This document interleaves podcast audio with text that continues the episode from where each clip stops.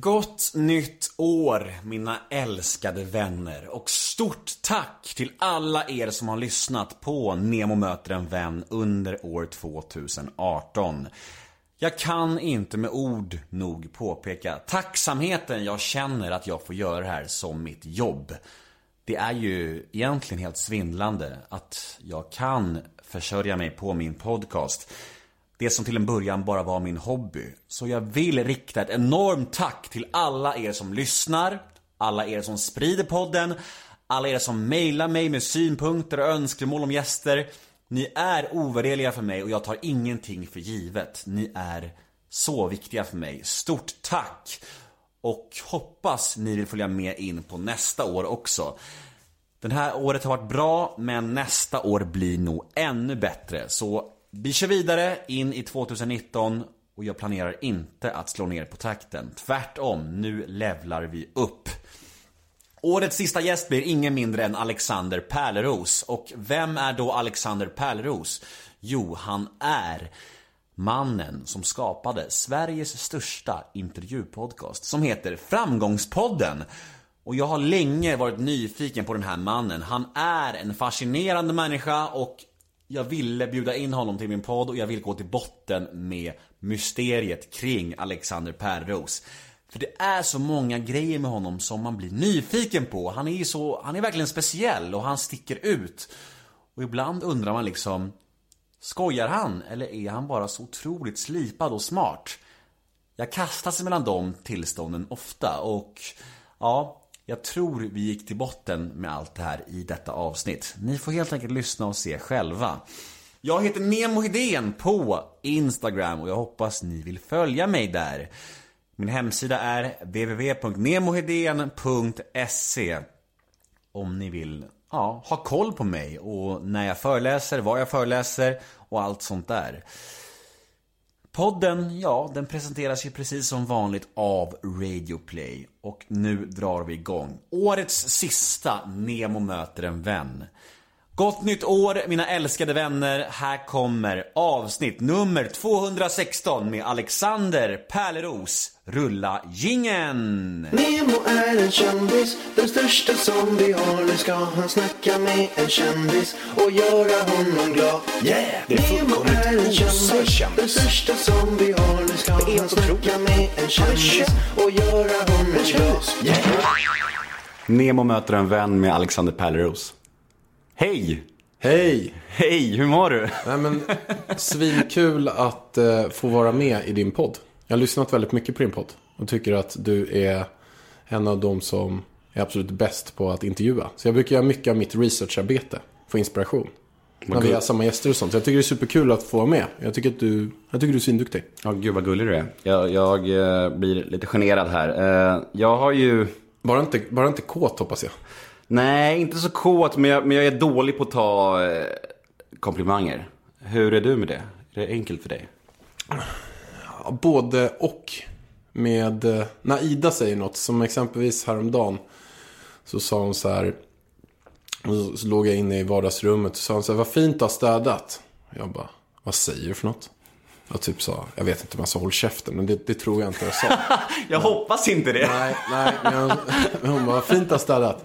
Jag bara, okej. Bara för att hon, hon klagar på mig ganska mycket att jag inte städar. Vilket också är befogat. Att jag har någon strumpa på golvet, det är några kallingar, det är någon, något glas jag inte har tagit eh, vidare eller eh, vad som helst. Så att när hon väl sa en komplimang så, så tog jag inte det som en komplimang. Men, men jag tycker väl, ja.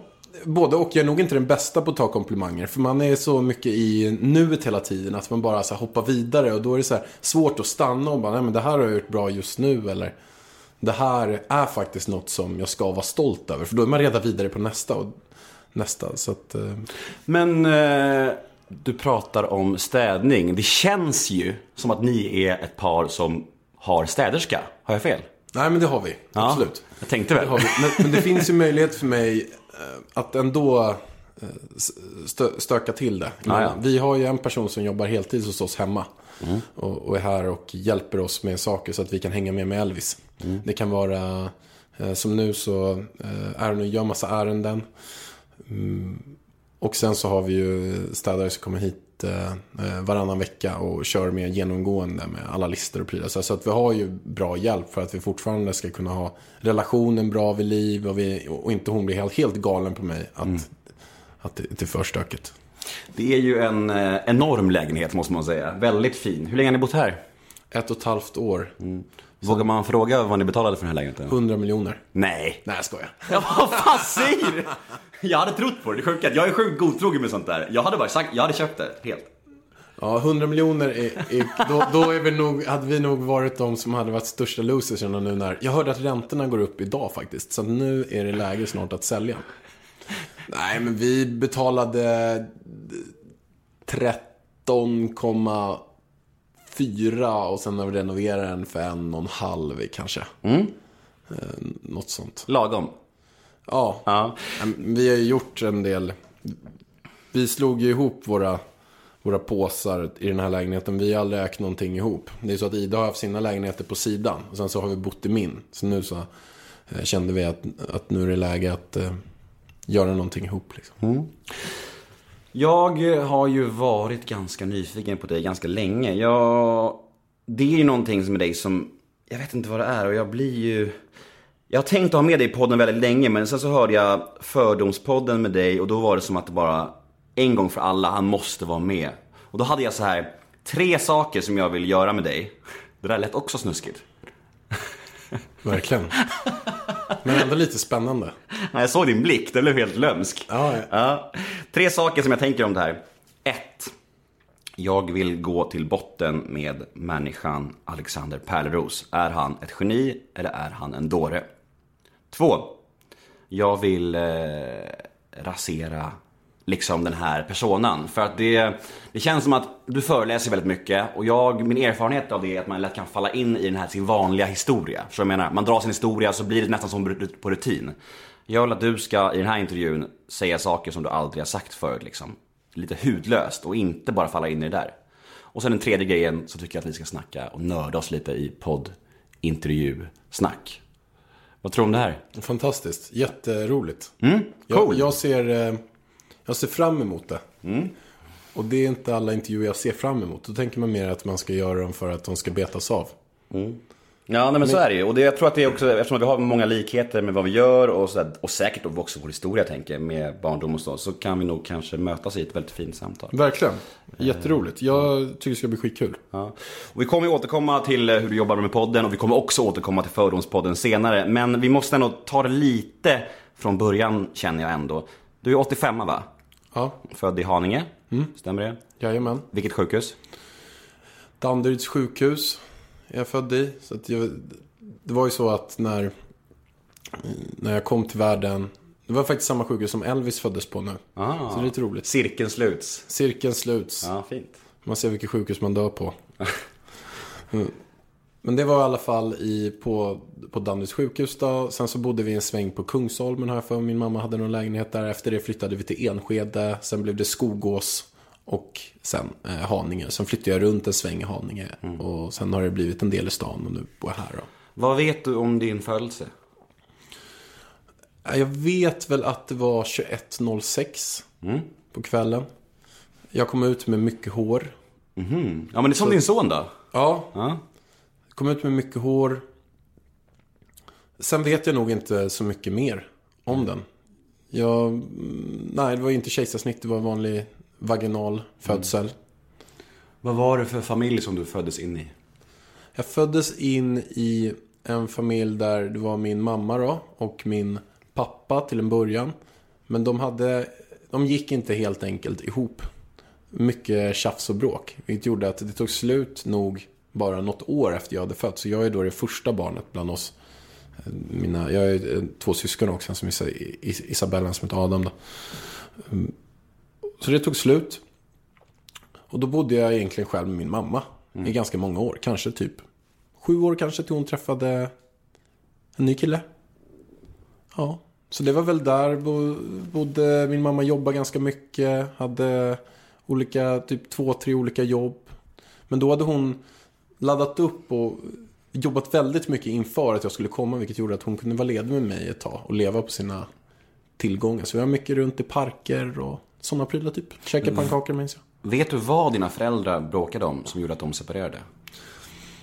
Jag tror att det, det var nog inte något sånt här superspecifikt att det är just det där. Jag tror att de bara bråkar säkert om allting, skulle jag gissa. Alltså en sån här klassisk dålig relation som gjorde att det inte funkade. Men sen är min mamma också väldigt, väldigt bestämd. Så, så det kan vara lite knepigt att om hon har bestämt sig för en sak. Och det är därför jag och hon har clinchat en del också. Men eh, ja, jag tror bara att de helt enkelt inte gick ihop. Men sen så hittade min mamma en annan. Efter typ tre år så fick han barn med en annan. De föddes tre, så det måste ha varit efter två år. Fick han barn med en annan kvinna. Och då fick eh, han två syskon då. Eller jag fick två halvsyskon. Som jag för övrigt inte har träffat förrän bara för ett litet tag sedan. Hon var här och hälsade på nu för en vecka sedan faktiskt. Din mamma? Nej, min ena syster som heter Ida. Ah, okej. Så han Mm. drog till Australien. Ja, men jag såg bilder på det. Att hon Ja. var här, ja. Vad, hur kommer det sig att det har gått så lång tid utan att ni har haft kontakt? Eh, när... Eh, min mamma var inte så här helmån om att jag skulle ha kontakt med min pappa. Hon gillade inte honom alls överhuvudtaget. De hade väl så här ganska mycket bråk och eh, intriger. Det var ju något läge där eh, han ska ha... Vet inte om det stämmer eller inte, men han ska ha puttat den och sånt där när hon var gravid. Vilket gjorde att hon eh, ramlade och trodde jag var död i magen. Så att det var ganska, de hade ganska eh, hårda intriger. Men sen vet jag, jag inte riktigt vad som är sant och inte sant. Det finns säkert dubbla historier med allting. Men hur som helst så typ hatade de varandra, kort och gott. Vilket gjorde att hon var nog inte jättemån om att jag skulle ha kontakt. Och sen så visste hon nog inte heller var han befann sig. Han försvann ju från Sverige. Han var en chilenare, så jag är halvchilenare. Och drog till eh, Australien. Men sen sökte jag upp han när jag var 25. Precis då när jag och Ida träffades. Då var jag ute hos min mormor. Ganska, ny, ganska tajt in på att hon eh, gick bort. Men då berättade hon för mig att jag hade en, en farbror i Norra Sköndal. Så, så jag eh, ringde nummerupplysningen och då svarade han. Hette han för något, jag vet inte, Paco eller Pajo eller någonting sånt. Pajo? Pajo, Pajan. Han kallas Pajen. Jag minns faktiskt inte riktigt vad han heter. Klassiskt sydamerikanskt namn. Kallas Pajen. Pajen. Pajo. Eh, jag ringde där så sa jag så här, då svarade han Pajen. Sa, Det är klart han "Hej, gjorde. Ja. Jag heter Alexander, jag är din brors son. Och efter det, några dagar senare, så pratade jag med honom. I telefon, min pappa då för jag åkte över dit. Och ja, så var det. Kort och gott. Ett halvår senare åkte jag och hälsade på henne i Australien. Har du fått liksom andra sidan, andra sidan av myntet också? Den historien också nu i efterhand liksom? Jag tänker på det här, din mamma sa ganska mycket negativt om din pappa. Eh, Har du fått höra din pappas version av det också nu? Ja, när jag var där nere och hälsade på henne en vecka eh, pratade vi lite grann om det, men inte så himla mycket. Vi försökte nog fokusera på den relationen som vi har Nutiden liksom? Ja, nutiden. Och, inte Framtiden. prata, och sen så var jag väl inte så här, egentligen superintresserad av att höra. De var ändå ganska unga båda två. Min mamma var nog 21 och han var kanske så här 27 eller något sånt där. Och, och jag vet ju vad jag har gjort när jag var 21-22 år. Alltså det är ganska många beslut jag har tagit då som jag kanske inte hade tagit idag. Så jag kan inte, jag, jag vill inte döma någon heller på vad som har varit och inte. Men kort och gott, det var väl en kärleksrelation som inte riktigt höll. Och sen bråkade de säkert om cornflakes och strumpor och fan allt hans morsor och allting. Så, det var nog, så jag var inte så här, egentligen superintresserad av det. Och sen var det så otroligt länge sedan. Men det som är väl att han har väl eh, dåligt samvete av att han inte tar av sig. Det som jag känner väl är väl så här att jag hittade honom när jag var 25. Jag kan väl tänka mig in i samma situation att om jag skulle ta slut med mig och Ida. Han hängde ändå med mig någonstans det första året. Nu är ju Elvis typ fem månader. Eh, då hade jag nog på något sätt, även om jag och Ida hade clinchat jättemycket, på ett eller annat sätt hade jag i alla fall som när jag var 18 säkert tagit kontakt med honom och sagt att du, så du vet i alla fall, jag är din pappa. Det, det blev väldigt mycket jobbigt när vi var unga män. Vill du veta vem jag är, vill du ha någon kontakt, hör av dig. Men jag var ändå 25 och jag hade inte fått någon typ av connection alls överhuvudtaget. Och hans farbror visste att jag fanns också. Så att han skulle ju kunna fått tag på mig på någon dag om han verkligen hade velat. Och det kan jag känna en liten besvikelse för. Och det är väl det som också har gjort att vi inte har någon vidare kontakt idag. Han hör ju av sig någon gång i veckan, skriver till mig på Facebook och sådär. Men jag har inte känt att eh, jag har känt att jag eh, har ha fått mycket av det jag ville ha när jag väl var i Australien och träffade honom. Jag fick den här pusselbiten. Så här ser du ut, det här är vi för likheter, kul, nu vet jag vad det är. Och det är det jag funderat på över hela livet. Men du är fortfarande en främling för mig och vi behöver inte ha mer kontakt än så. Mm. Alltså den enda ursäkten som jag kan finna till att man inte väljer att ha kontakt med sitt barn. Det är ju att man själv mår så pass dåligt. Att man kanske liksom missbrukar eller något sånt där. Som man tänker på barnets bästa. Men han verkar ändå ha varit en, en ganska normal, alltså normal fungerande människa eller? Ja, jag tror inte han hade några alkohol eller narkotika eller någonting sånt. Just därför blir det för mig helt oförklarligt att man inte vill ha kontakt med sitt barn. Jag vet inte om du kan känna igen dig i det här, men när man själv har fått barn, hur kan, alltså du vet, det är ju liksom jag tänker ju på henne hela tiden, min dotter liksom. Alltså jag förstår liksom inte, men det är väl, man kan ju aldrig sätta sig in i andra människors situationer. Kanske finns någon förklaring, jag vet inte. Men för mig är det bara så här, fan vad konstigt. Det känns som ändå att det är ganska vanligt. Alltså det är ju ganska vanligt att fäder inte har kontakt med sina barn. Mer än att mödrarna. Det finns ju typ ingen möder, ingen moder som, som inte har kontakt med sitt barn. Men det finns ju ton med fädrar. Ja, men det är också vanligt att pappor har svårt att känna den här instinktiva, direkta kärleken till sina barn och det tar tid att göra den här anknytningen och allt sånt där. Det kanske, just därför kanske det är ett problem om man inte har det från start. Att man kanske inte har svårt att hitta dit också. Och då blir det att man kanske, jag vet inte. Ah, det finns säkert någon förklaring, men, men, men när man själv har en ganska fin relation med sitt barn.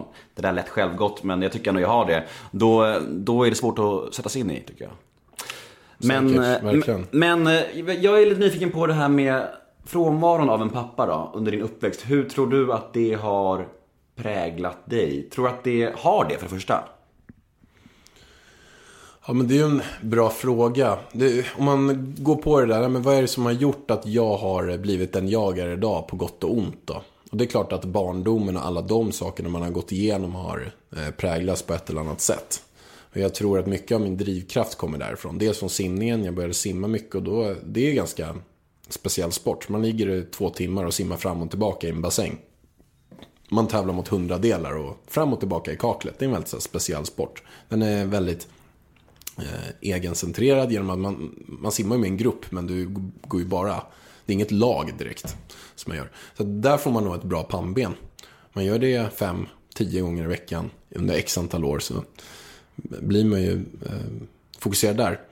Men sen det är klart att eh, jag tror att, jag, jag, jag är rätt övertygad om att allt man gör i sitt liv, de sakerna som du har gått igenom, alla dina eh, svårigheter med missbruk. Det är klart att allt sånt blir ett bagage. Om du tar en person nu, vi tar Elvis exempelvis. Nu sitter vi här i Vasastan. Vi ger honom exakt allt han vill ha under hela livet. Säger vi. Vad han pekar på i en, i en affär så, så ger vi honom det. Han får pengar varje månad, lite mer pengar än alla hans polare, vilket gör att han, kan, han har råd att göra lite vad han vill. Säger vi. När han är 18 så står en bil utanför, en nyckel, han springer ut och blir svinglad. När han sen kommer ut och ska tävla mot dig i att du startar upp ett projekt. Han ska också ha en dröm att starta upp ett projekt. Men man har samma typ av verktyg. Eller mot mig. Kommer han att slå någon person som har lite mer bagaget? Inte en chans. Han kommer aldrig göra det. Om det är så att han, han inte har fått liksom, känna på svårigheter och har mycket lärdomar under gången. Och det är det som jag känner att eh, jag har fått genom min barn. Genom att det inte varit helt enkelt. Jag har bott på fosterfamilj och jag började, jag hade inte mycket pengar. Jag eh, började jobba på McDonalds när jag var 14 och började sälja saker. Försöka hitta sätt så att eh, jag skulle absolut inte säga överlevnad, men så att jag kunde överleva att vara en av de andra. Så hade det varit, för det var många som fick saker hemifrån och det kände inte jag att jag fick. Liksom. Det var, jag kunde inte åka på simlägren. Det fick jag gå runt och kränga Bingolotter för att få ihop själv. Och, eh, mycket luncher och mat mm. överhuvudtaget har varit att nej, men jag måste känna ihop de här, de här pengarna själv för att göra det. Men är det inte svårt att hitta en balansgång där tänker jag, nu när du har barn själv? Att, eftersom att du kommer från förhållanden där du kanske inte hade råd med saker och inte så mycket pengar och inte så mycket lyx. Och nu när du ändå har det gott ställt tänker jag och du ändå vill ge din eh, son en uppväxt där han inte får allt. Alltså den här balansgången mellan att inte skämma bort men ändå liksom ge han lite utmaningar. Är det svårt att hitta den balansgången tror du? Det jag inte skulle vilja med eh, Elvis, det är ju just att han blir en person som inte alls liknar mig på det sättet. Att han inte har något driv, att han blir lite bortskämd, pekar det där vill jag ha. Och sådär. Curlad. Ja men verkligen. Det var ju samma sak när jag och Ida träffades. Alltså en av mina viktigaste parametrar Som var om jag, jag menar, om jag träffar en ny tjej överhuvudtaget. Det är att inte den tjejen ska ta för givet saker. Det gjorde absolut inte Ida. Men det var en, en sak som var viktig för mig i början. Att om jag pröjsar en eh, middag. Då vill jag gärna ha ett tack. Eller om jag går och köper saker. Och sen att man försöker dela på det så mycket som möjligt. För att man inte ska ha någon som, "Äh, jag vill ha en väska, "Äh, jag vill ha nya skor, jag vill ha det. äh, äh. äh. För sånt, sånt skulle jag kräkas på. Om jag då skulle få en son som blev exakt så, då skulle jag nog kräkas på, inte honom, men bredvid honom i alla fall. Ja, Jag tycker det där är svårt alltså. Att inte skämma bort sitt barn. Garanterat, svårt, det har jag redan märkt nu. Jag kommer nog, jag har ju svårare än där än vad Ida har. För att vi var inne i en leksaksaffär. Hon bara, ah, vi ska köpa några leksaker. Den där kanske vi ska ha, eller den eller den. Jag bara, ta allihopa. Och jag hade redan, jag orkar inte, kör allihopa. Och, och där blir det lite så att om han kommer in då och har drömt om en dinosaurie och en eh, liten docka. Eh, och då om jag, ja, det kan ju vara bra att få spara ihop till de här. Att jag kommer, ja men ta dem, ta dem. Här får du en bil också. Nej, Jag känner verkligen igen det där. Jag tror eh, min dotters mamma köpte en, en sån här babblare till min dotter. Och sen kom jag hem några dagar senare och hade köpt alla de andra babblarna till henne också. och då sa hon bara så här, varför gör du så där för? Det var onödigt. Hon hade ju en babblare. Jag bara, det fanns ju fem stycken till liksom. Du vet, jag vet inte. Jag, jag, man vill ju så gärna ge sitt barn det man själv inte har fått. Men samtidigt så är det ju helt rätt ute med det där. Man ska ju passa sig för att curla. Så är det ju verkligen. Ja, det, det, det man inte ger barnet då, det är ju drivet. Exakt. Det är ju den bättre egenskapen än att sitta på 17 stycken babblare. För att den där Säg det till min dotter. Ja, den är svårinsåld. ja, precis. Ja, men det är klart, så att mycket sånt eh, kommer jag tänka på. Men jag har inte, jag har ju bara varit förälder i fem månader. Så jag kommer säkert lära mig mycket under gången. Jag säger det ibland till Elvis att du är vårt första barn. Jag lär mig fortfarande hela tiden, så att du får ha lite överseende med det. Mm, det har han säkert. Eh, du vet, många fotbollsspelare i typ Premier League, de brukar, ofta när de slår igenom så brukar de köpa typ en bil eller ett hus till sin mamma. För att mamman har alltid funnits där när pappan var frånvarande och allt sånt där. Har du gjort något liknande till din mamma eller? Nej, jag har inte köpt ett bil, ett hus eller något sånt där. Men samma princip, vad menar? Ja, men jag förstår. Det har väl... eh, Jag har bjudit på någon utomlandsresa och sådana där grejer. Och sen så eh, kan jag också ge senaste halvåret eh, ge en del pengar varje månad. Så, Fint. Ja, swish, swishar över lite grann. Så det är lite åt det hållet. Men ingen, ingen bil. Men det, hon har heller ingen körkort. Man får ge ett körkort först. Du kan ge henne ett körkort kanske? Ja. Man använder ju bil mindre och mindre. Känns Så är det, som. så är det. Lite, det finns bra... Ja. Du känns ju som en person som borde ha en Tesla. Har du det? Jag har Lexus. Vilket är en av mina tajtaste samarbetspartner för övrigt. Ja men det visste jag faktiskt att det var. Jag ser ju dig köra runt i din lilla Lexus, framgångsbilen och allt vad det nu är. Framgångsbilen exakt. Så att, nej. Om jag hade fått välja en bil av alla bilar i hela världen. Så hade jag valt Lexus. Du, jag tror inte ens på det där, men låt gå för den här gången. Det var pliktskyldigt sagt kan jag säga. Men ja, ja. Vi går vidare i alla fall till, eh, vi hoppar in på barndomen, eller jag menar lite senare, vi hoppar fram till skoltiden. Och eh, det här drivet, eh, gjorde sig det uttryck även i skoltiden? Var det så här en flygande student som bara betade av varenda ämne med straight A's eller? Men jag har alltid varit street smart. Och jag har inte känt att, nej men jag är nog inte den. Mm. Jag, jag tycker det finns olika typer av saker som man kan vara väldigt så här smart på. Vad är smart för någonting? Och jag är väldigt kreativ, jag är lösningsorienterad, jag har en väldigt hög social kompetens. Jag eh, kan inte när alla kungar har dött och eh, massa sånt, massa TP-frågor. Det är jag extremt dålig på. Men det jag har lyckats få, det jag säkert fått den är för att jag blev tvungen att hitta lösningar när jag var liten. Det är att jag är väldigt så här street smart. Vilket gjorde att då i skolan, ja, det gick väl så här helt okej. Jag var inne på att komma väldigt nära fel spår. När jag var i sexan så hade jag väl typ alla godkänt. Då var jag ganska, alla VG kanske. Men sen bytte jag skola och kom lite fel i umgänge. Vilket gjorde att jag sänkte mig till alla IG under hela sjuan, åttan när man var så. Jag hade IG allting. Jag skolkade och struntade exakt allting. Började till och med mm, slå upp skåp och snodde en mobiltelefon. Eh, Som för övrigt, för några år sedan så var jag i USA och så träffade jag den personen jag snodde mobilen av. Vilket var lite pinsamt. Vi satt på samma middag. Är det sant? Bad, bad om ursäkt? Ja, men jag sa att det, det var beklagligt. att du förlorar din, din telefon. Beklagligt. Att jag råkar bryta upp den. Ja, med ett ko, med ett så här, vad heter de där, ko, kohorn, Kofot. kofot, ko, kohorn. Du borde ju sagt så här, hur mycket ska jag swisha borde du sagt. Ja, den har ju inte så högt eh, värde den där telefonen idag. Så jag skulle kunna swisha 50 spänn säkert. Ja, ja, med tanke på att den är ju gammal. Eller kommit med en ny likadan. Alltså. Här får du en sån. Här får du en knapptelefon. Här får du tillbaka den. Ny. Ja, precis. Så jag var nära. Det var väl så att jag försökte vara med de coola men blev aldrig riktigt godtagen av dem. Men då var det ändå att man gjorde lite små grejer. Man snattade lite, skolka från skolan, gjorde bus, slängde ägg. På eh, äggning, hade ni det när du var inne? När man följde år så kastade man ägg på folk. sådär. Vi busade mycket, så här på halloween, kastade ägg på huset. Först sa vi bus eller godis och om någon sa bus kastade vi ägg på husen. Men alltså, vi måste ändå... En sak vill jag ha lite klarhet i. Hur och varför hamnade du i fosterfamilj? Jag flyttade ju till eh, eh, fosterfamilj också när jag hade, så här, jag hade utmaningar i skolan.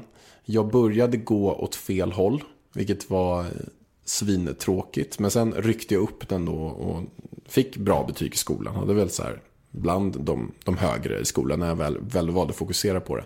Men det var väl så att jag var väl inne i en tonårsrevolt, försökte hitta mig själv. Jag och min mamma, vi gick helt enkelt inte ihop. Det blev för mycket bråk mellan oss, typ exakt hela tiden. Och det var- också som gjorde att till slut så blev det den, den lösningen att jag fick flytta till en fosterfamilj istället. Och då bodde jag i Haninge. På den tiden så bodde jag i ett garage. eh, Där vi, som vi hade gjort om till en lägenhet. Vi hade ingen bil men vi hade ett, ett garage i alla fall. Eh, Så då bodde jag där ute eh, och efter det. Och det var mycket också vi bråkade ganska mycket. Så då var det bra att vi fick skiljas åt lite grann. Så flyttade jag till den här eh, fosterfamiljen i Tyresö. Och då bodde jag med ganska mycket stökigt folk. Jag var, värt att veta att visst, jag hade en del grejer jag gjorde. Men jag var fortfarande inte så här ett stök. Jag slogs aldrig eller gjorde inte några sådana här tunga grejer. Jag tog inga droger, drack ingenting. Så att jag var ändå så här skötsam. Men var under en liten tonårsrevolt och försökte hitta mig själv framförallt. Men jag bodde med folk som var ganska stökiga. Jag bodde bland annat med en, en person som hette Danne. Som hade, hans båda föräldrar tror jag hade tagit droger och var alkoholister. Det gjorde att han var lika gammal som mig, då var jag 15 och han var 15. Jag minns en situation där jag kom hem, Slådde Rohypnol på hela bordet. Det var typ 80-100 tabletter och då tog han upp en tablett och sa så här. Alexander, vet du vad det här är för något? Jag bara, nej. Han bara, det är Rohypnol. Om du slår någon så känner du ingenting alls överhuvudtaget. Han bara, ja, ja okej. ja. Han bara, vet du vad det här är? Så drog han upp en elpistol. Du det fick 50 000 volt och slocknade direkt. Jag bara, okej. Ja, ja. Då gick jag upp på mitt rum. Och då gillade jag att spela Harry Potter. Jag och en kompis brukade spela lite mot varandra på nätet. Så jag låste dörren till det här lilla rummet och då var det ett stort fönster där med en rund ruta. Så la jag mig ner och spelade Harry Potter. Och sen kom han upp efter någon minut och bara Alex! Jag bara, ja. Får jag datorn? Jag hade min bärbara dator jag hade fått av skolan då. Jag bara, nej jag spelar Harry Potter. Han bara, "Ah. Så gick jag ner. Kom han upp någon minut senare. Jag vill ha den här datorn! Ge mig datorn nu! Jag ska spela Harry Potter! Han var helt borta. Eh, jag bara, nej men eh, jag spelar Harry Potter nu. Får inte datorn. Gick jag ner så, så hörde jag några röster där nere. Ja, då kom, kom hans polare dit. Bara, du har du fixat den där datorn du lovade eller? Han bara, nej men jag gör det nu. Så kom han upp. Ge mig datorn, jag ska spela! Stod och bankade där, men då svarade jag inte och bara la mig mot väggen. Ett år senare var han död. I heroin. Det var en av dem jag bodde med. Då hittade man honom död. Hemska historier. Ja, verkligen. Men de här åren då, som, de ändå, som du ändå upplevde som de tuffa åren, vilket man också förstår. Vad tänkte du liksom om, om livet, om framtiden? Vad var dina mål och tankar och drömmar? Vad ville du liksom med allt? Jag var sugen att bli brandman, tänkte jag mycket på. Sen var jag också sugen att bli mäklare. Och, jag vill, och det är någonting som har varit med mig under hela livet, att jag vill göra skillnad. Jag vill göra någonting. Jag minns att när jag var med en kompis i klassen, och det var en kompis till mig som fick exakt allt han ville ha. När han var 18 så stod en ny bil utanför. Och, Så han fick exakt allt han ville ha. Och det var något som man är ganska, i läget där är man ganska svartsjuk. Om man har gått och sparat ihop till en innebandyklubb och sen köper man dem för 240 spänn så kommer han med en för 1 500 direkt med klor och grejer och olika typer av ventilationssystem och allt möjligt på den där. Då blir man lite så ah, vad fan alltså. Kommer, ska man köpa rollerblades så köper man några som knappt rullar framåt utan kullager. Så kommer han med par nya liksom för 4 och 7 liksom. Då blir man så helvete. Alltså man blir ju irriterad över det. Och sen så sparar man ihop till första bilen som jag hade jobbat ett jävla år på för att få. Köpte en Saab 9000 som hette OPS 427. OPS 427. För köpte jag för 11 och sen kommer han med en, få en splitterren bil för 150 000. När han fyller 18 och bara bromsar in breven. Och då sitter man där liksom och har lagt in några feta högtalare från Biltema och är väldigt glad över det. Men du fick en Lexus sen. Ja, exakt. Men då var det i alla fall att... Eh, då sa jag till honom en gång, som jag minns att vi får se. Då var han jättestolt över något nytt han hade fått. Jag bara, du, vi får se. Vi syns om tio år, så får vi se. Och den grejen har sporrat mig lite grann. Att jag bara, jag ska visa honom. Så här.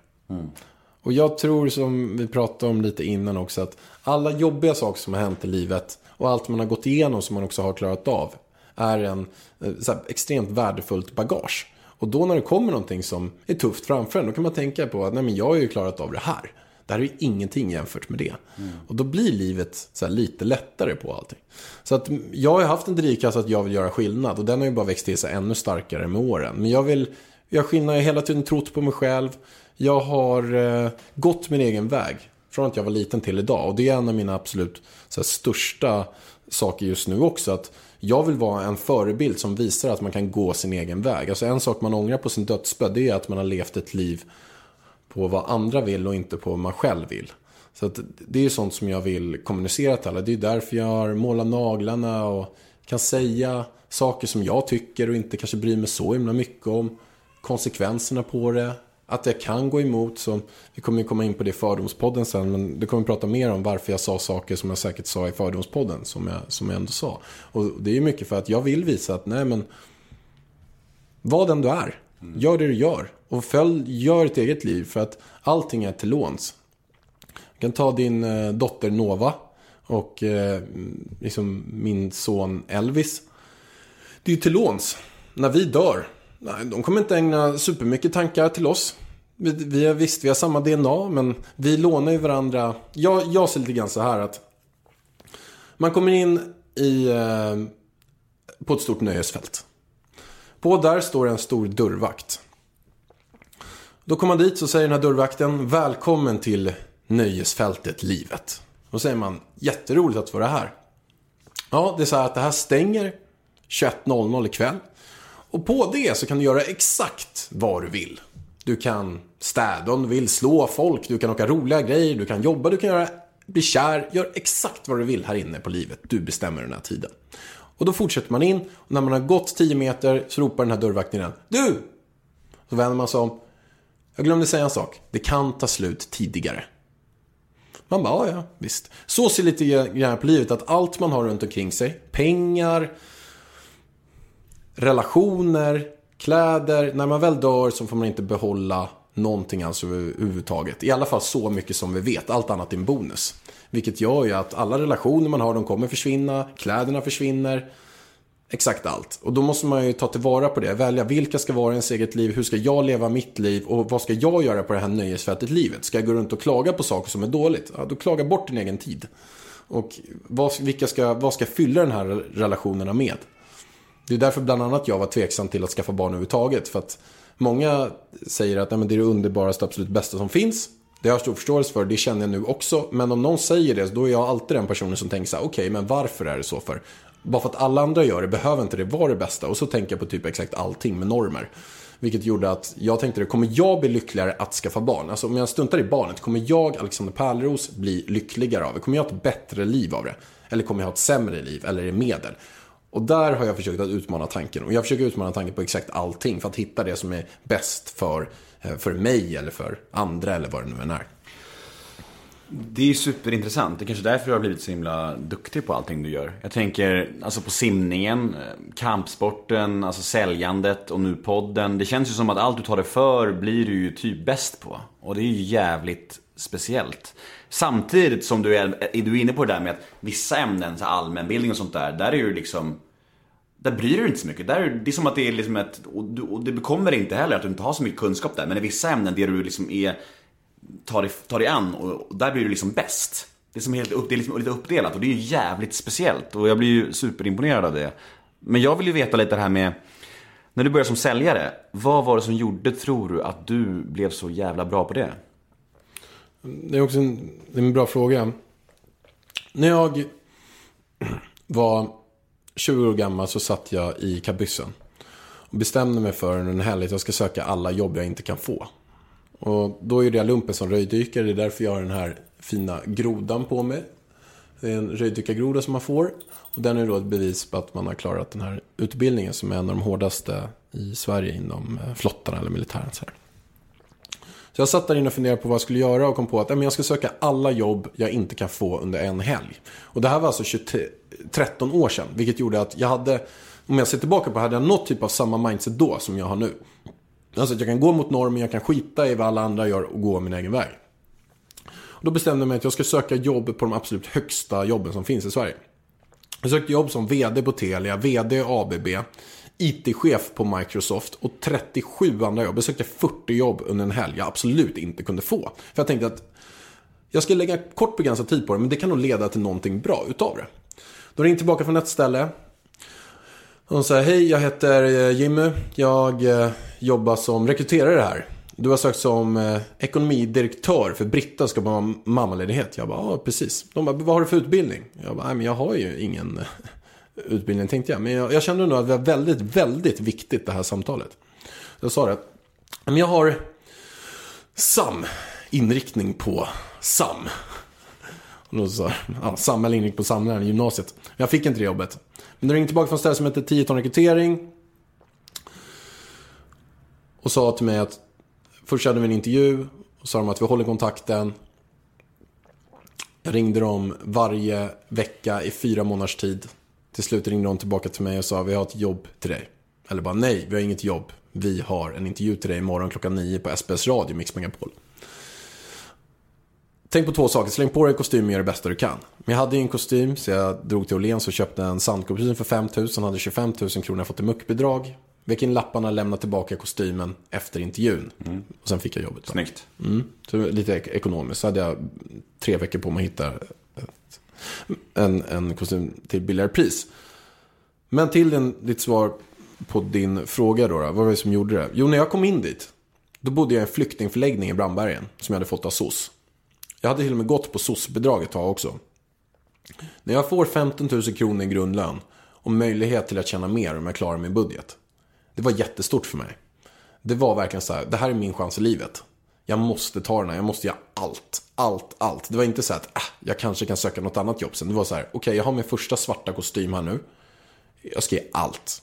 Jag blev tvungen att köpa en bil också, för det var jag tvungen att ha. Vilket gjorde att när jag väl började där så hade jag 6-7 tusen kronor kvar på kontot overall. Och då skulle det gå till tankning. Det fick man ju sen tillbaka senare då när man lämnade in det. Men det ska gå till allt. Det ska gå till luncher, utlägg, om jag ska ha en till kostym mer än min svarta. Det gjorde att det här, jag måste ta den. Vilket gjorde att jag eh, jobbade väldigt hårt. Ehm, jag eh, bestämde mig för tidigt att även om jag inte har eh, all kunskap jag behöver. Så det jag har är mitt driv. Så jag kom först på morgonen, alltid bestämde mig för det. Gick sist, jobbade hårdast. Vilket gjorde också att när jag hade varit röjdykare så är det, det är en jättetuff utbildning. Så för mig var det väldigt lätt att komma in där. Som sak som vi pratade här med ryggsäcken. Att då hade jag en, en tuff ryggsäck bakom mig redan då. Och när jag kommer in och jobbar kanske 12 timmar om dagen istället för att jag ligger på 16-17 timmar där. Och då börjar jag varje morgon med att springa milen innan frukost. Det är klart att det var ganska lätt för mig att komma in eh, i det här vanliga klimatet där folk jobbar 8 och jag kanske la mig på 12 direkt. Det resulterade till att något år senare så tjänade jag några hundratusen i månaden och blev vald till årets säljare. Eh, och, det, och sen gjorde jag ju massa saker under den här gången då som, som eh, så här, säljtekniskt vad jag gjorde. Jag satsade ju väldigt mycket på att bygga relationer med alla kunderna. Och, och var inte rädd för att fråga efter pengarna och försökte hela tiden göra det som är bäst för kunderna. Det var, det var grunden i allt. Men varför bodde du på en flyktingförläggning? Ja, Men det var att eh, de hade baracker i Brandbergen. Och då, de satte de upp vid 90-talet och skulle ha dem i fem år. Men som med många projekt så, så bara står det kvar. Vilket gjorde att de där hade funnits där i kanske 20 år där någonstans. De Var ganska mögliga och gröna, de var gula i början. Men det var så här baracker, träbaracker. Då var det väl hälften flyktingar där, hälften sossbarn. Så då fick jag möj- möjligheten att bo där. Så här snett golv. Alltså jag trivdes bra där.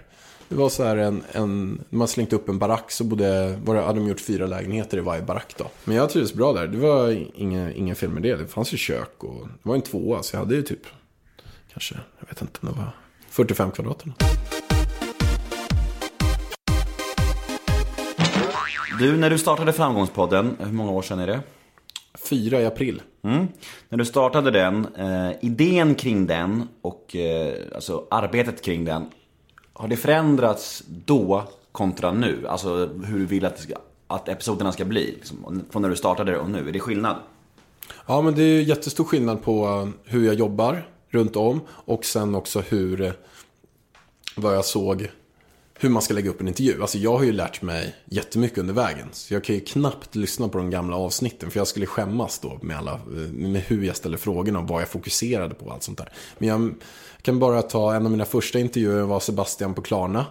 Då fokuserade jag väldigt mycket på entreprenörer. Alltså då såg jag, som många gör idag, säkert övervägande del av hela samhället, ser att framgång är hur mycket pengar man har. Alltså träffar man någon som har en miljard så är den mer framgångsrik än någon som har en miljon. Och ju mer, har man 10 miljarder är man mer framgångsrik än de som har 1 miljard. Alltså ju mer pengar man har, ju mer framgångsrik är man. På något sätt så hade jag samma sak där, vilket gjorde att det kändes jättehäftigt att träffa de här multimiljardärerna. Då kändes det som att man träffar värsta rockstarsen. Det har ju totalt förändrats, vilket gör att kollar man på de tidiga avsnitten så är det ganska mycket rika personer med. Det är Philip Tussander, grundare Daniel Wellington, det är Sebastian på Klarna, det är Jakob De Geer på Izettle. och massor med folk som har gjort så här ganska feta exitar. De är ju betydligt färre just nu. Och det är mycket för att jag inte tycker att de kommer med eh, lika mycket vettigt jämfört med andra. Så det är mer det, att jag tycker inte de skapar lika bra content. Nu så tycker jag de som skapar väldigt, väldigt bra content, det är sådana som har stått på en scen, alltså har föreläst eller pratat inför folk sådär. Att de har med sig retoriken, inte bara att de startat något bolag eller gjort någonting som har bara flugit. Och det är ganska mycket samma typ av resor man får höra på där också. Det är ju självklart spännande, men jag tror, så att det var ju fokus i början.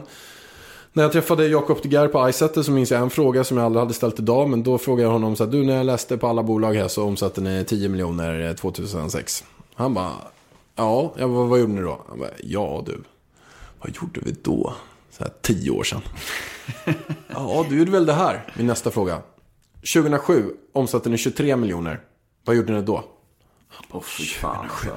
Jag fortsatte till idag. Nej. Jag fortsatte 8-9 år på deras eh, Det var resultaträkning. samma fråga om och om igen. Ja. Äh, fy fan alltså. 2000, 2013, då omsatte ni 144. Vad?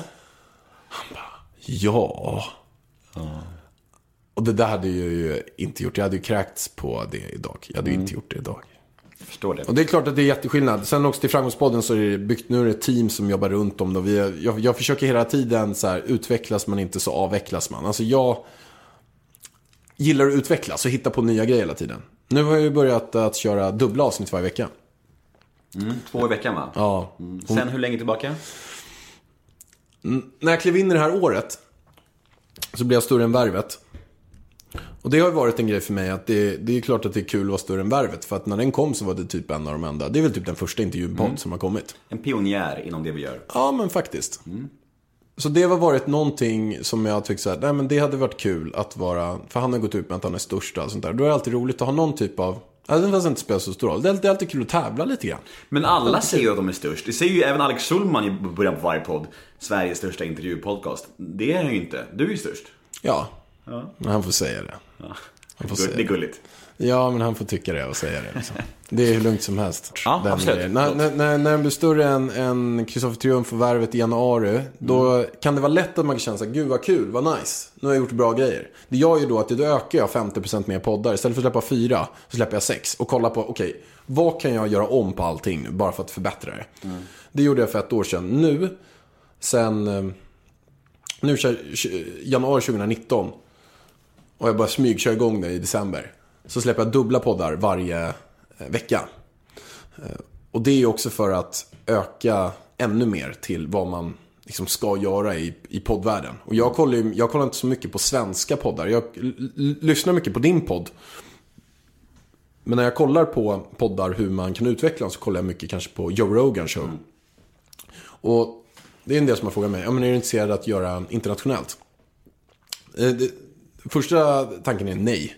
Eller det kanske skulle vara intressant, men jag vet vad som krävs. Joe Rogan, han kan släppa fem till sju, åtta poddar i veckan.